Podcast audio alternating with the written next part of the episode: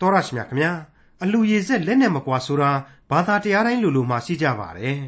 ခရိယန်ဘာသာတရားမှာရောခရိယန်တမန်ကျမ်းစာထဲမှာပါဘယ်လိုပြဋ္ဌာန်းထားပါသလဲဓမ္မဟောင်းကျမ်းပိုင်းထဲမှာတော့ကိုရရှိသမျှတွေအားလုံးရဲ့ဆယ်ဖို့တဖို့ကိုလှူဒန်းရမယ်လို့ဆိုပါတယ်ခရိယန်တမန်ကျမ်းရဲ့ဓမ္မသစ်ကျမ်းပိုင်းမှာပေးကမ်းလှူဒန်းမှုနဲ့ပတ်သက်ပြီးဘယ်လိုပြဋ္ဌာန်းထားပါသလဲ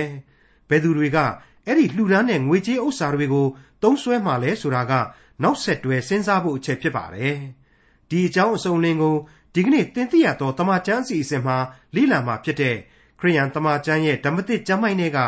ကောရိန္သုဩဝါဒစာပထမဆောင်ရဲ့နောက်ဆုံးအခန်းကြီးဖြစ်တဲ့အခန်းကြီး16မှာတွေ့ရမှာဖြစ်ပါတယ်။ကောရိန္သုဩဝါဒစာပထမဆောင်ဟာအင်္ဂလိပ်လို Corinth လို့ခေါ်တဲ့မြို့ကခရိယန်တွေအတွက်တမန်တော်ကြီးရှင်ပေါလုက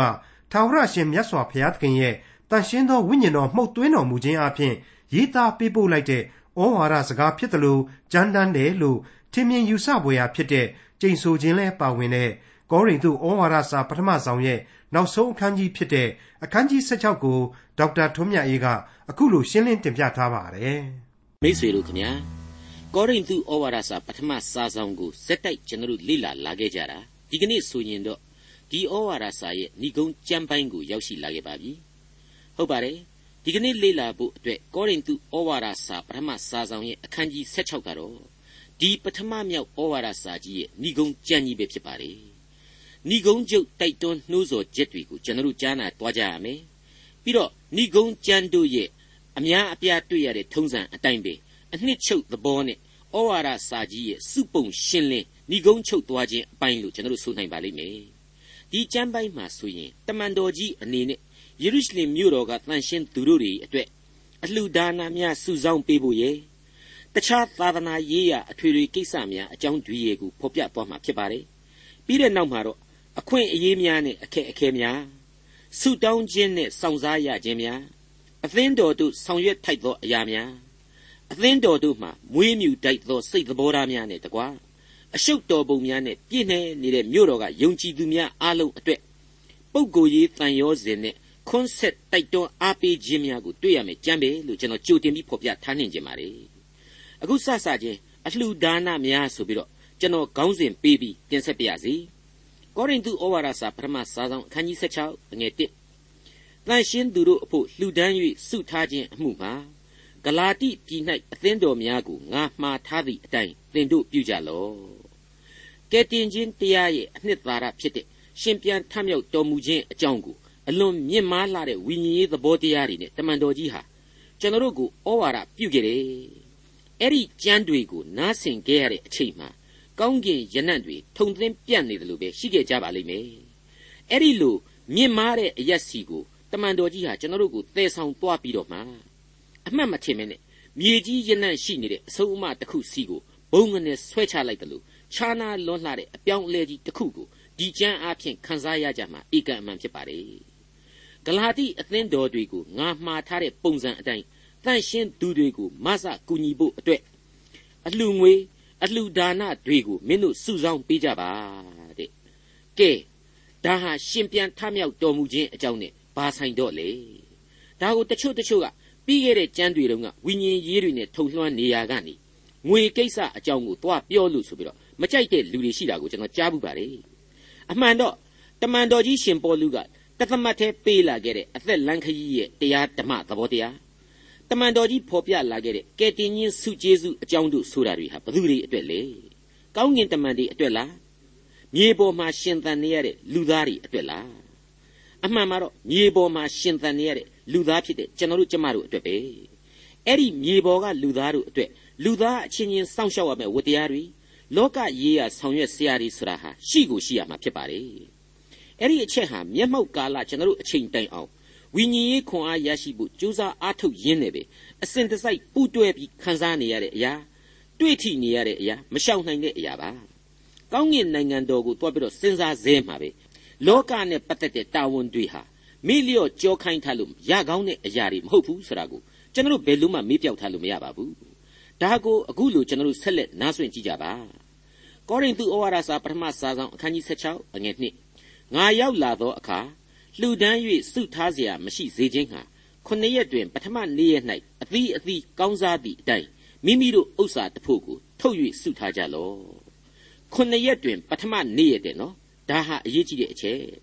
ဒါဟာကနဦးအသင်းတော်ဝင်သူလူသားတို့ရွေးချယ်လိုက်တဲ့စီဝေးရတနင်္ဂနွေနေ့ကိုဖော်ပြတာပါပဲအဲ့ဒီနေ့မှာလူစုဝေးကြတယ်အလှူဒါနတွေကိုတစုတဝေးတည်းပေါင်းစုထားကြရမယ်ရှင်ပေါလုကဒါကိုဘလောက်လှူရမယ် မလှူရင်အပြစ်ရှိတယ်ဆယ်ဖို့တဖို့မပြည့်ပြည့်အောင်လှူရမယ်စသဖြင့်မဆိုင်တာတွေအပိုဘာမှထည့်ပြီးမပြောပါဘူးကောင်းစားသည့်အတိုင်းတဲ့ရှင်းမနေဘူးလားဟုတ်ပါတယ်ကောင်းစားကြတဲ့အတိုင်းပဲမိမိတို့ဥစ္စာတဖို့ကိုထုတ်၍စုထားကြပါလို့ပဲသူပြောလိုက်တယ်ကျွန်တော်တို့တွေတနင်္ဂနွေနေ့မှာဖျားသွားရှိခိုးကြတယ်ဝိညာဉ်ခွန်အားတွေရှာဖွေပြီးတော့ကယ်တင်ရှင်ရဲ့အသေးခံတော်မူခြင်းအဖြစ်ကိုရရှိနိုင်တဲ့သာဝရအသက်ဆုကျေးဇူးအကြောင်းကိုတွေးတောဆင်ခြင်ကြတယ် ဝိညာဉ်ခွန်အားတွေရရှိလာကြတယ်ဆိုပါတော့ဒါပေမဲ့အသင်းတော်ကနေအိမ်ပြန်ရောက်တဲ့တပြိုင်နက်တောကမရှိဆင်းရဲသားဆွေမျိုးတွေရောက်နေတာလေတွေ့ရောဘောက်ဆက်ဘောက်ဆက်နေမင်းတို့ဘာလာလို့တလဲကွာလက္ခဏာကြည့်ရတာပိုက်ဆံချီးမျိုးနဲ့တူတယ်အဲ့ဒီကိစ္စဆိုရင်တော့ sorry ပဲဟိဆိုတာမျိုးပြောမိပြီဆိုရင်ဒါဟာကျွန်တော်တို့ဥပုပ်နေမှာတရားသွားနားထောင်တာဝိညာဉ်ခွန်အားရလာတယ်ဟာဘာအတိတ်ပဲရှိတော့လေအကုန်လုံးကမောက်ကမာတွေဖြစ်ကုန်ပြီမဟုတ်ဘူးလားကိုရယူရမယ်ကောင်းကျင်စုကျေးဇူးဆရာဟာလေဒေါသအမျက်ရဲ့ စေတနာကင်းမဲ့မှုရဲ့နဲ့အကုန်လုံးအရေးပျော်သွားရပြီလို့ကျွန်တော်ဆိုချင်တယ်အခုရှင်ပေါလုပြောလိုက်တာဟာကောင်းစားသည့်အတိုင်းတဲ့အလွန်လေးနက်တဲ့အချက်ပဲအကြီးအကျယ်ကောင်းစားနေတယ်ဆိုသူတယောက်ဟာအကြီးအကျယ်လှူကိုလှူရလိမ့်မယ်အမေရိကန်ပြည်မှာ1930ပြည့်နှစ်အချိန်လောက်ကစီးပွားရေးအကျက်အတဲကြီးဖြစ်ခဲ့တဲ့အချိန်ကိုကာကိုလာကုမ္ပဏီပိုင်ရှင်ကြီးတယောက်ဟာအရန်ချမ်းသာပြီးတော့ချမ်းသာပါရဲ့နဲ့ဒီလောက်ဒုက္ခရောက်နေတဲ့အသင်းတော်အဖွဲ့အစည်းကြတော့မြင်မြမလှူပဲနဲ့ သူအမဲလိုက်ဖို့အတွက်ကြတော့ဥယျင်ကြီးတစ်ခုကိုငွေကုန်ကြေးကြခံပြီးတော့ဒေါ်လာတွေသန်းပေါင်းများစွာနဲ့ပေးပြီးဝယ်တယ်တဲ့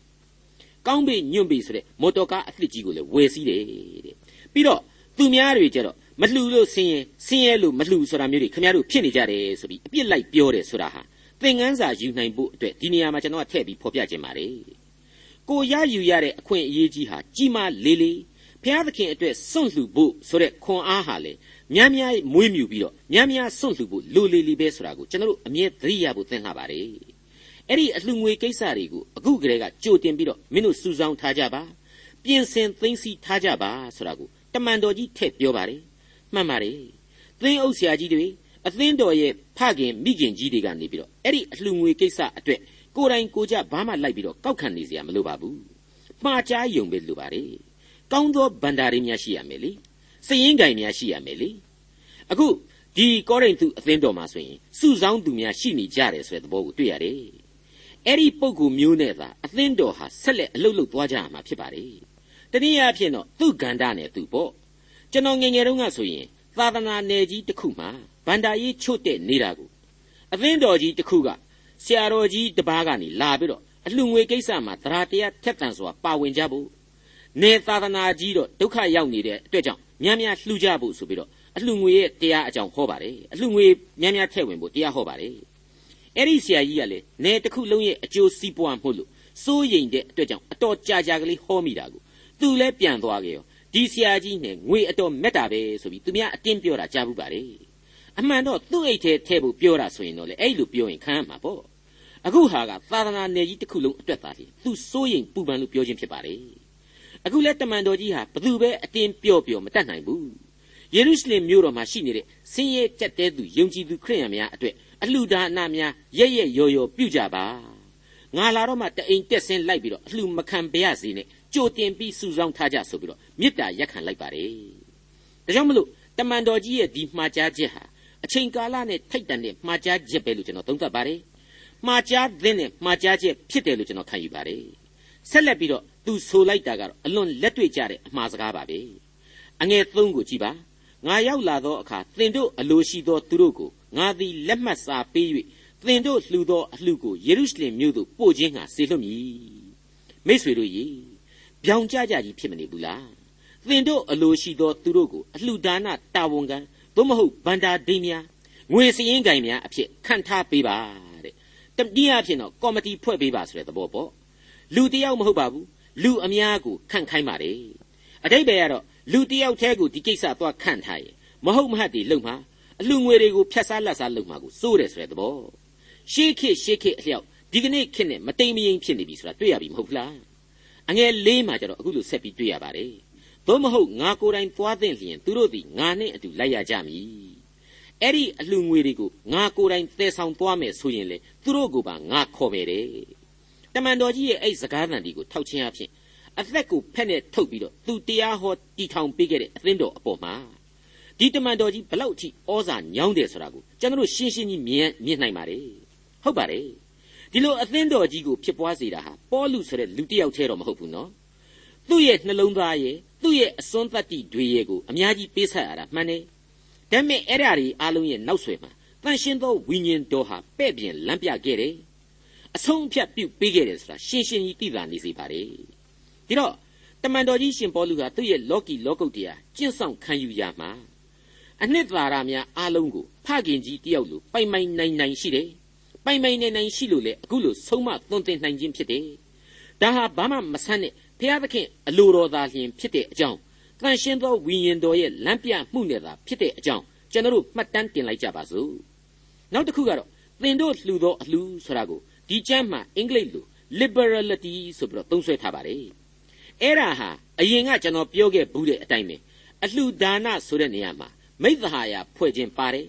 မေတ္တာတရားပါဝင်တယ်အထူးသဖြင့်ကတော့ကျေးဇူးတော်ကိုတုံ့ပြန်ခြင်းဆိုတဲ့အလွန်အနှစ်သာရကြီးမားတဲ့အချက်တစ်ခုပါဝင်နေကြောင်းကိုဖော်ပြနေပါတယ်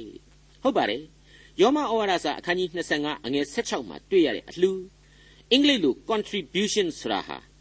koinonia လို့ခေါ်တဲ့ မိသဟာယဖွဲ့ခြင်းအတိတ်ပဲကိုဆောင်ပါတယ် koinonia လို့ခေါ်ပါတယ်ကောရိန္သုဩဝါဒစာဒုတိယစာဆောင်ကိုရောက်လာလို့ရှိရင်တော့အလှူရဲ့သဘောတရားဟာ eulogia ခေါ်တဲ့အရှံပေသောကောင်းကြီးမင်္ဂလာများဆိုတဲ့အတိတ်ပဲကိုပြောင်းလဲပြီးတော့ဆောင်တာတွေ့ရပါလိမ့်မယ်ဒါအပြင်တမန်တော်ဝတ္ထုထဲမှာအခန်းကြီး24အငယ်18အရာတွေ့ခဲ့ရတာကတော့ဒိုင်ယာကိုနီယာသို့မဟုတ်ကျင်နာသောအမှုကိုပြုခြင်းဆိုတဲ့အတိတ်ပဲကိုဆောင်ယူထားခဲ့ပါတယ် ဒီအချက်တွေအားလုံးဟာဘုရားသခင်အတွက်စွန့်လွတ်ဆောင်ရွက်ခြင်းဘုန်းတော်ထင်ရှားစေဖို့ဆောင်ရွက်ခြင်းဆိုတဲ့အတိတ်ပဲများပဲဖြစ်တဲ့အကြောင်းကျွန်တော်တို့ဒီနေရာမှာအတစ်ချုပ်အတိတ်ပဲဖော်ထုတ်လို့ရပါတယ်မိတ်ဆွေအပေါင်းတို့ခမညာဝုပြုရကြံအစရှိတဲ့ရှေးကာလအချိန်မှာအလှတော်ငွေဆိုတာဟာဥပရိသနဲ့မပေးမနေရပေးဆက်ရတဲ့သဘောရှိပါတယ်ဓမ္မဆက်နဲ့အုပ်ချုပ်ချိန်မှာအစိုးရနဲ့ဗိမှန်တော်ဥပရိများအရာတောင်းဆိုခဲ့တယ်ဆိုတာကိုကျွန်တော်ရှင်းရှင်းကြီးတွေ့ကြရပြီဖြစ်ပါတယ် ကယ်တင်ရှင်သခင်ခရစ်တော်ပေါ်ထွန်းခြင်းကစပြီးတော့အလှတော်ငွေဆိုတာဟာလူသားရဲ့အသိစိတ်ဓာတ်နဲ့သာပေးရမယ်ဆိုတဲ့အချက်ဟာပို့ပြီးတော့သိတာထင်ရှားလာခဲ့ရတယ်တမန်တော်ကြီးအခုဆက်လက်ပြီးဖော်ပြသွားမှာကတော့သူ့ရဲ့မျှော်မှန်းချက်များကိုအဓိကဖော်ပြသွားမှာဖြစ်ပါတယ်အငယ်9နဲ့6မာကေဒေါနိပြည်လန်းကိုငါသွားမည်ဖြစ်၍ထိုပြည်မှထွက်သွားပြီးလျင်သင်တို့ရှိရာသို့ငါလာမည်နောက်မှအခြားသို့ငါသွားသောအခါသင်တို့ပို့သောကျေးဇူးကိုခံခြင်းငှာ သင်တို့စီမှငါတဲခို၍ဆောင်းကာလပတ်လုံးနေကောင်းနေလိမ့်မည်စေလိုရာစေဆိုပြီးတော့ဘုရားသခင်ပို့ဆောင်ရာသို့သာအစဉ်တစိုက်သွားလာခဲ့တဲ့တမန်တော်ကြီးရဲ့ဘဝအကြောင်းကိုကျွန်တော်တို့တစ်စိတစ်စောင်းဒီနေရာမှာအကဲခတ်နိုင်ပါတယ်။သူခမရမှာအခုခေတ်ကျွန်တော်တို့ရဲ့ခရီးစဉ်အစီအစဉ်နဲ့အချိန်နာရီသတ်မှတ်လို့မရခဲ့ရှာပါဘူး။မရနိုင်ပါဘူး။လူလုံးရမယ့်အလုပ်လူသွားရမယ့်အရာတွေအကုန်လုံးဟာခရစ်တော်ရဲ့အလိုတော်အတိုင်းသာလျှင်ဖြစ်ရမယ်ဆိုတဲ့သဘောကို တမန်တော်ကြီးဖော်ပြတယ်။တနည်းအားဖြင့်တော့လူသားဟာကိုယ်အုံနောက်နဲ့ကိုယ်ဆုံးဖြတ်တာတော့မှန်တယ်။ဒါပေမဲ့အလိုတော်ကိုသာဝန်ခံရမယ်ဆိုတဲ့သဘော။တနည်းအားဖြင့်တမန်တော်ကြီးရှင်ပေါလုအပါအဝင်များစွာသောဓမ္မအမှုတော်ဆောင်ကြီးတို့လောကအသက်တာလမ်းများမှာဘယ်တော့မှတည်ငြိမ်ခြင်းဆိုတာမရှိခဲ့ရှာပါဘူးတည်ငြိမ်ခြင်းမရှိခဲ့ဘူးဆိုတာဟာစိတ်ကြောက်ကြရဲ့ဖြစ်တာကိုကျွန်တော်ပြောတာမဟုတ်ပါဘူးတနည်းအားဖြင့်လောကရဲ့အသက်တာဟာလှုပ်ရှားခြင်းများခဲ့တယ်တည်ငြိမ်ခြင်းမရှိဘူး ဒါပေမဲ့အဲ့ဒီလိုမတည်ငြိမ်ခြင်းသည်ပင်လျှင်ကျေးဇူးတော်နှင့်ရှင်တွဲနေသောမတည်ငြိမ်ခြင်းများဖြစ်တယ်အဲ့ဒီလိုမတည်ငြိမ်ခြင်းသည်ပင်လျှင်ဘုရားသခင်ရဲ့အလိုတော်နဲ့ညီညွတ်စေသောမတည်ငြိမ်ခြင်းများဖြစ်တယ်လို့ကျွန်တော်ဒီနေရာမှာသတ်မှတ်ပါတယ်အငယ်ခုနှစ်မှရှစ်ယခုသွားစဉ်သင်တို့ကိုတွေ့မြင်ခြင်းဟာသာအလိုမရှိနောက်မှသခင်ဖျားသည်အခွင့်ပေးတော်မူလျင်သင်တို့နှင့်အတူကြာမြင့်စွာနေမည်ဟုမျှော်လင့်ခြင်းရှိ၏ လူတယောက်အနေနဲ့ကတော့မျှော်လင့်ခြင်းဆိုတာဟာရှိတယ်မျှော်လင့်ချက်တွေရှိုံနဲ့မကသေးဘူးကြိုတင်ပြင်ဆင်မှုတွေဟာလည်းရှိတန်တွေရှိကိုရှိရပါလိမ့်မယ်ဒါဟာသဘာဝပဲမဟုတ်ဘူးလားဒါကိုရှင်ပေါလုမကွယ်ဖွက်ပါဘူးမင်းတို့နဲ့ငါကြာကြာနေခြင်းပါတယ်တဲ့မိษွေတော်တတ်ရှင်များခင်ဗျာမြမစကပုံတစ်ခုမှာလူအကြံဟာထယံဒုက္ခနောင်ဖြစ်စီတယ်တဲ့ထင်နဲ့အမြင်ဟာတခြားစီပဲတဲ့ဆိုရိုးစကားတွေရှိတယ်ဟုတ်ပါတယ် အဖဖျားသခင်ကိုယုံကြည်ကိုးကွယ်ရတဲ့ကျွန်တော်တို့အတွက်အလွန်မှတ်သားနာယူရမယ့်အချက်ကတော့ကျွန်တော်တို့ဟာဘုရားသခင်ရဲ့လက်တော်ထဲမှာသာရှိတယ်ဆိုတဲ့သစ္စာတရားပါပဲကျွန်တော်ရဲ့ဘဝအသက်တာတွေဟာကိုတော်ရှင်ရဲ့အလိုတော်ကြသာရှင်သန်ကြရမည်ဖြစ်တယ်ဆိုတဲ့သစ္စာတရားပါကျွန်တော်တမန်တော်ဝတ္ထုသင်ခန်းစာတွေတုံးမှာတော့ကတမန်တော်ကြီးရှင်ပေါလုရဲ့ဒုတိယမြောက်ခရီးစဉ်မှာသူဟာအာရှတိုက်ဘက်ကိုသွားဖို့ကြိုးစားခဲ့တယ်ဆိုတာတွေ့ရတယ်နော်ဒါပေမဲ့သွားပြစ်ခဲ့သလားမသွားပြစ်ခဲ့ဘူး တန်ရှင်းသောဝိညာဉ်တော်ကတားမြစ်ခဲ့တယ်ဆိုတာကိုထင်ထင်ရှားရှားတွေ့ခဲ့ရလို့အဲ့ဒီအာရှတိုက်ဘက်ကိုသူမသွားပြစ်တာဟာဘုရားသခင်အလိုတော်ဆိုတာကျွန်တော်တို့နားလည်ခဲ့ရတယ်အဲ့ဒါကြောင့်မို့လို့လေသူဟာဥရောပတိုက်ရဲ့တောင်ပိုင်းနိုင်ငံတွေဘက်ကိုသူ့ရဲ့လမ်းကြောင်းပြောင်းပြီးတော့ရောက်ရှိသွားခဲ့ရခြင်းပဲဆိုတာဟာထင်ရှားနေတဲ့သာရကပါပဲ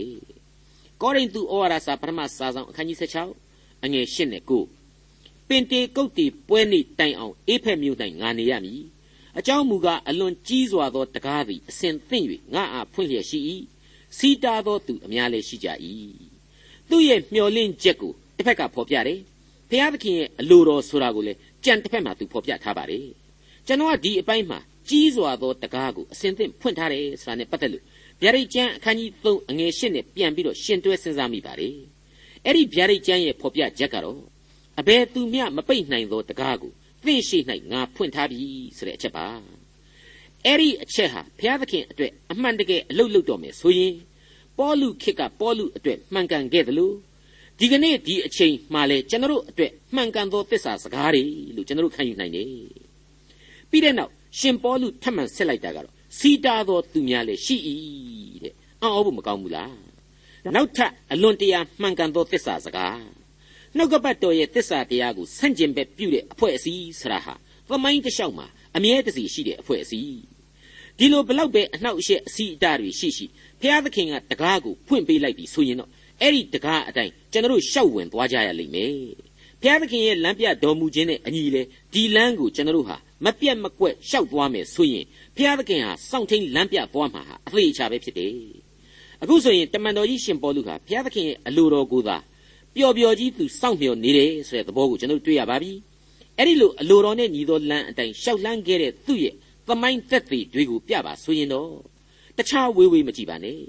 ဒီကနေ့ဒီကဘာပေါ်မှာတည်ရှိနေတဲ့လက်ညှိုးညွှန်ရာအရက်တိုင်းမှာရှိနှင့်ပြီးသောအသင်းတော်တွေကိုသာလက်ညှိုးညွှန်ရမှာဧကန်အမှန်ပါပဲအခုအချိန်မှာတော့သက်ဆိုင်သူများသူဆိုတဲ့ခေါင်းစဉ်နဲ့သင်ခန်းစာကိုဆက်ချင်ပါတယ်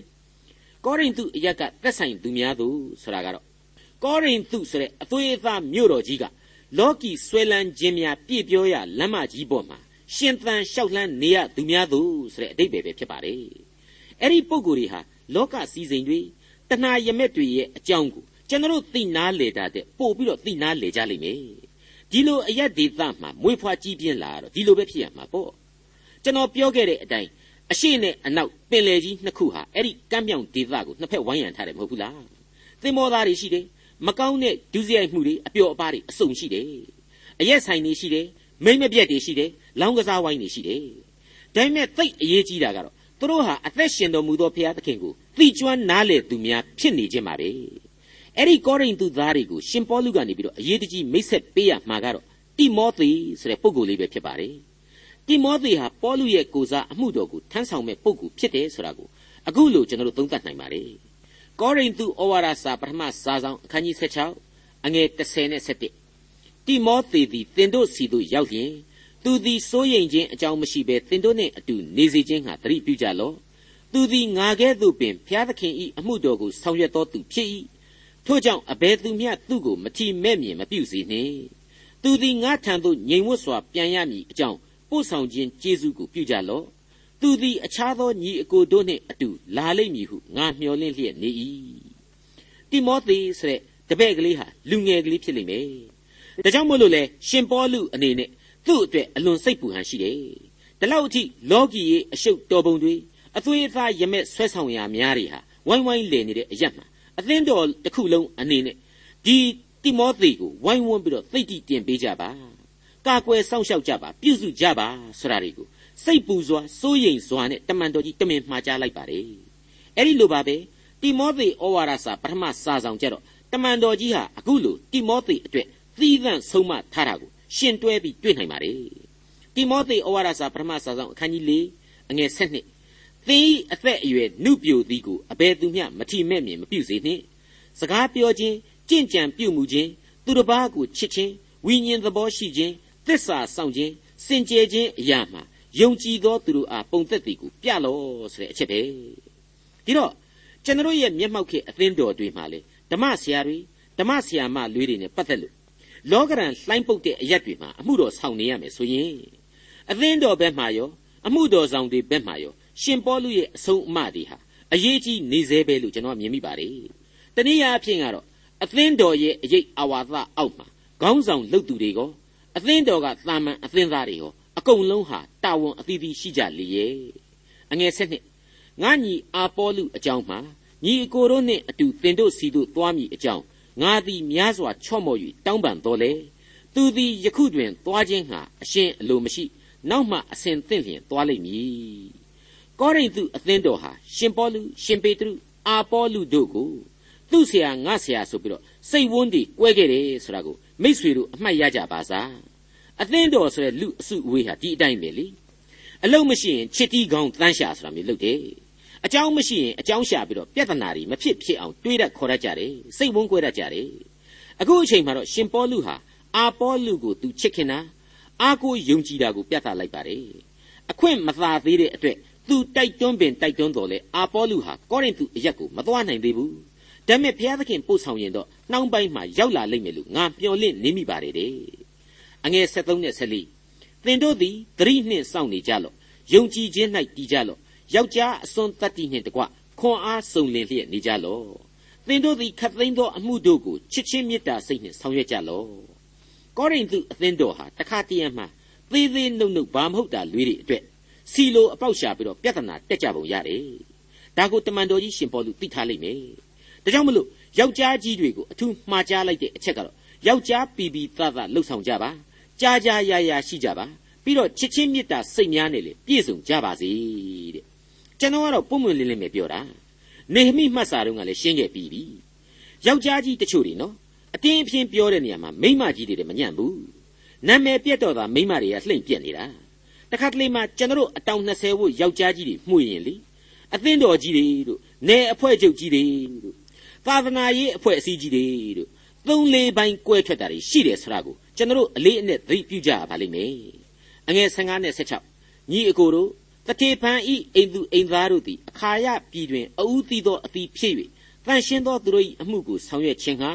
ကိုကိုကိုအကြောင်းကိုသင်တို့သိကြသည်နှင့်အညီထိုသို့သောသူတို့၏အုပ်ဆိုးခြင်းကို၎င်းငါတို့နှင့်အတူလောက်ကင်၍အမှုတော်ဆောင်သောသူရှိသမျှတို့၏အုပ်ဆိုးခြင်းကို၎င်းသင်တို့ဝန်ခံကြမည်အကြောင်းငါတောင်းပန်၏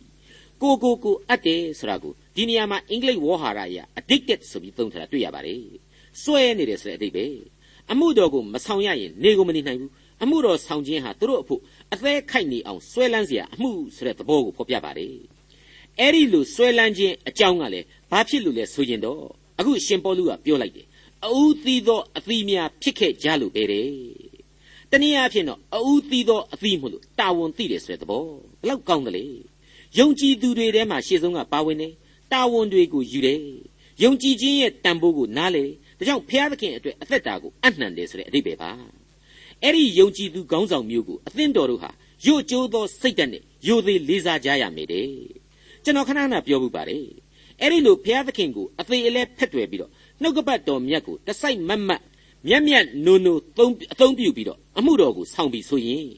အဲ့ဒီလိုသူတော်ကောင်းမျိုးတွေကို ကျွန်တော်အများစုဘယ်လိုသဘောထားတတ်ကြသလဲဒီကနေ့ကြီးတော့ပေါင်းလို့သင်လို့မကောင်းဘူးကြောင်နေပြီ၊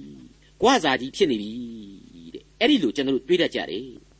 အဲ့ဒါဟာကိုယ့်ရဲ့ဇာတိပဂရိစိတ်ထဲမှာစာရမဏတ်ဝင်မှွေလိုက်တဲ့အခါကျတော့ဘုရားသခင်ရဲ့တရားတော်မှာနေညမပြတ်ဆင်ခြင်အောက်မိတဲ့ခေါင်းဆောင်တွေအပေါ်မှာကျွန်တော်အဲ့ဒီအတိုင်းအမြင်တွေတွေးမှားလာတဲ့အကြောင်းပဲကောရိန္သုဩဝါဒစာပထမစာဆောင်အခန်းကြီး16အငယ်16တတေဖန် ဖောတုနတ်အခါယကုတို့သည်ရောက်လာသောကြောင့်ငါဝမ်းမြောက်ခြင်းရှိ၏ဒီပုံကိုယ်တွေကတော့တမန်တော်ကြီးစီကိုလွှတ်လိုက်တဲ့ကောရိန္သုကိုစလေအဖွဲ့ဝင်တွေဖြစ်ပါလိမ့်မယ်ကျွန်တော်ယင်သေးရှိတာပြောရရင်တော့တမန်တော်ကြီးကငေါက်တာငန်းတာလေသူတို့ခင်ဗျာမှာလှိမ့်ပိန်ခံရင်ခံရလိမ့်မယ်ကောရိန္သုအသင်းတော်ကသတင်းတွေအပေါ်မှာတမန်တော်ကြီးကမကျေနပ်တိုင်းသူတို့ကိုကြီးပဲဖိပြီးဆူတာကိုလေသူတို့ခံရင်ခံရလိမ့်မယ်လို့ကျွန်တော်တွေးတယ်သူတို့ဟာဘာကြီးပြောနေနေဖျားသခင်ရဲ့ကယ်တင်ခြင်းတရားကိုယုံကြည်ခဲ့တဲ့သူတွေ ဖျားသခင်ဘက်တော်သားတွေ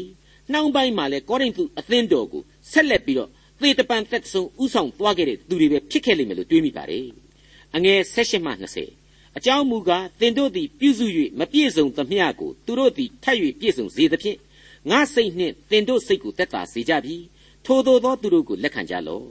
အာရှိပြည်၌အသင်းတော်များတို့သည်သင်တို့ကိုနှုတ်ဆက်ကြ၏အာကုလနှင့်ပြစ်ကိလတို့သည်သူတို့အိမ်၌ရှိသောအသင်းတော်နှင့်တကွ သခင်ဖျားကိုထောက်၍သင်တို့ကိုများစွာနှုတ်ဆက်ကြ၏ညီအကိုအပေါင်းတို့သည်သင်တို့ကိုနှုတ်ဆက်ကြ၏အချင်းချင်းတယောက်ကိုတယောက်နမ်းချင်းနှင့်နှုတ်ဆက်ကြလော့အကိလနဲ့ပရစ်လာတို့အကြောင်းထပ်ပြီးပေါ်လာပါလေတမန်တော်ကြီးရဲ့အသက်တာမှာတမန်တော်ကြီးကိုအစဉ်တစိုက်ကျေးဇူးပြုခဲ့တဲ့ယုံကြည်သူခရိယန်နှစ်ဦးပေါ့သူတို့ကိုယ်တိုင်ဟာလေအသင်းတော်ကိုအိမ်မှာပဲတိဆောက်ပြီးတော့အိမ်မှာပဲစုယုံစေခဲ့တယ် တနည်းအားဖြင့်ဘုရားသခင်ကိုရှိသမျှပုံအောဆက်ကပ်ကြတယ်ဆိုတာကိုကျွန်တော်တို့သိထားရပါတယ်တစ်တပင်ကောင်းရင်ငှက်တစ်သောင်းနားနိုင်တယ်ဆိုတဲ့အကီလာနဲ့ပရစ်လာအကြောင်းကိုကျွန်တော်တို့ဟာဂုံယူစရာထပ်မံကြားရခြင်းဖြစ်ပါတယ်ကောရိန္သုဩဝါဒစာပထမစာဆောင်အခန်းကြီး16အငယ်21ငါပေါလုသည်နှုတ်ဆက်ခြင်းအချက်ကိုကိုလက်နှင့်ရေးထား၏ယောမဩဝါဒစာတုံးကလူပဲတမန်တော်ကြီးဟာဒီဩဝါဒစာကိုတယောက်ကလိုက်ရေးဖို့အတွက်နှုတ်တိုက်ချပြီးမှလက်မှတ်ရေးထိုးထားတယ်ဆိုတာကို ဒီအချက်အားဖြင့်နားလည်ရပါတယ်ကောရိန္သုဩဝါဒစာပထမစာဆောင်အခန်းကြီး16အငယ်22အကျဉ်သူသည်သခင်ယေရှုခရစ်ကိုမချစ်ထိုသူသည်အနုသေးမာဖြစ်စေတည်းဒါဟာကြိမ်ဆိုတဲ့စကားပါဂျူးလူမျိုးတို့ရဲ့ရှေးခေတ်ကာလထုံးစံပေါ့ပရိညင်သဘောတရားအရာကယ်တင်ရှင်သခင်ခရစ်တော်ကိုယုံကြည်သူတို့ဟာသေခြင်းနဲ့ကင်းလို့ရမယ်မယုံကြည်သူတို့ဟာသေခြင်းမှာပဲနစ်မြုပ်ပျောက်ကွယ်ရလိမ့်မယ်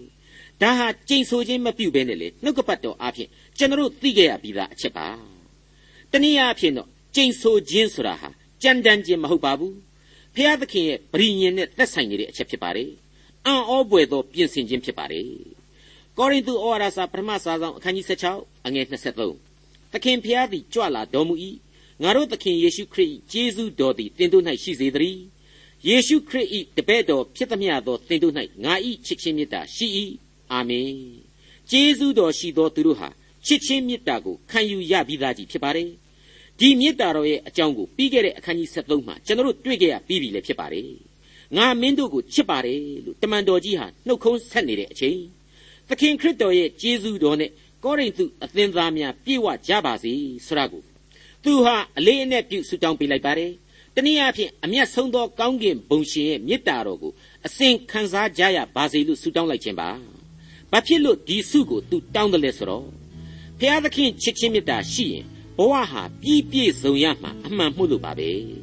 ဒေါက်တာထွန်းမြတ်ရေးစီစဉ်တင်ဆက်တဲ့တင်ပြတော်တမချန်းအစီအစဉ်ဖြစ်ပါတယ်နောက်တစ်ချိန်အစီအစဉ်မှာခရိယန်တမချန်းဓမ္မဟောင်းကျမ်းပိုင်းတွေကဧတတာဝိတ္ထုကိုစတင်လေ့လာမှဖြစ်တဲ့အတိုင်းဧသတာဝိတ္ထုရဲ့ဏိဒာမိုင်းကိုလေ့လာမှဖြစ်တဲ့အတွက်စောင့်မျှော်နားဆင်နိုင်ပါတယ်။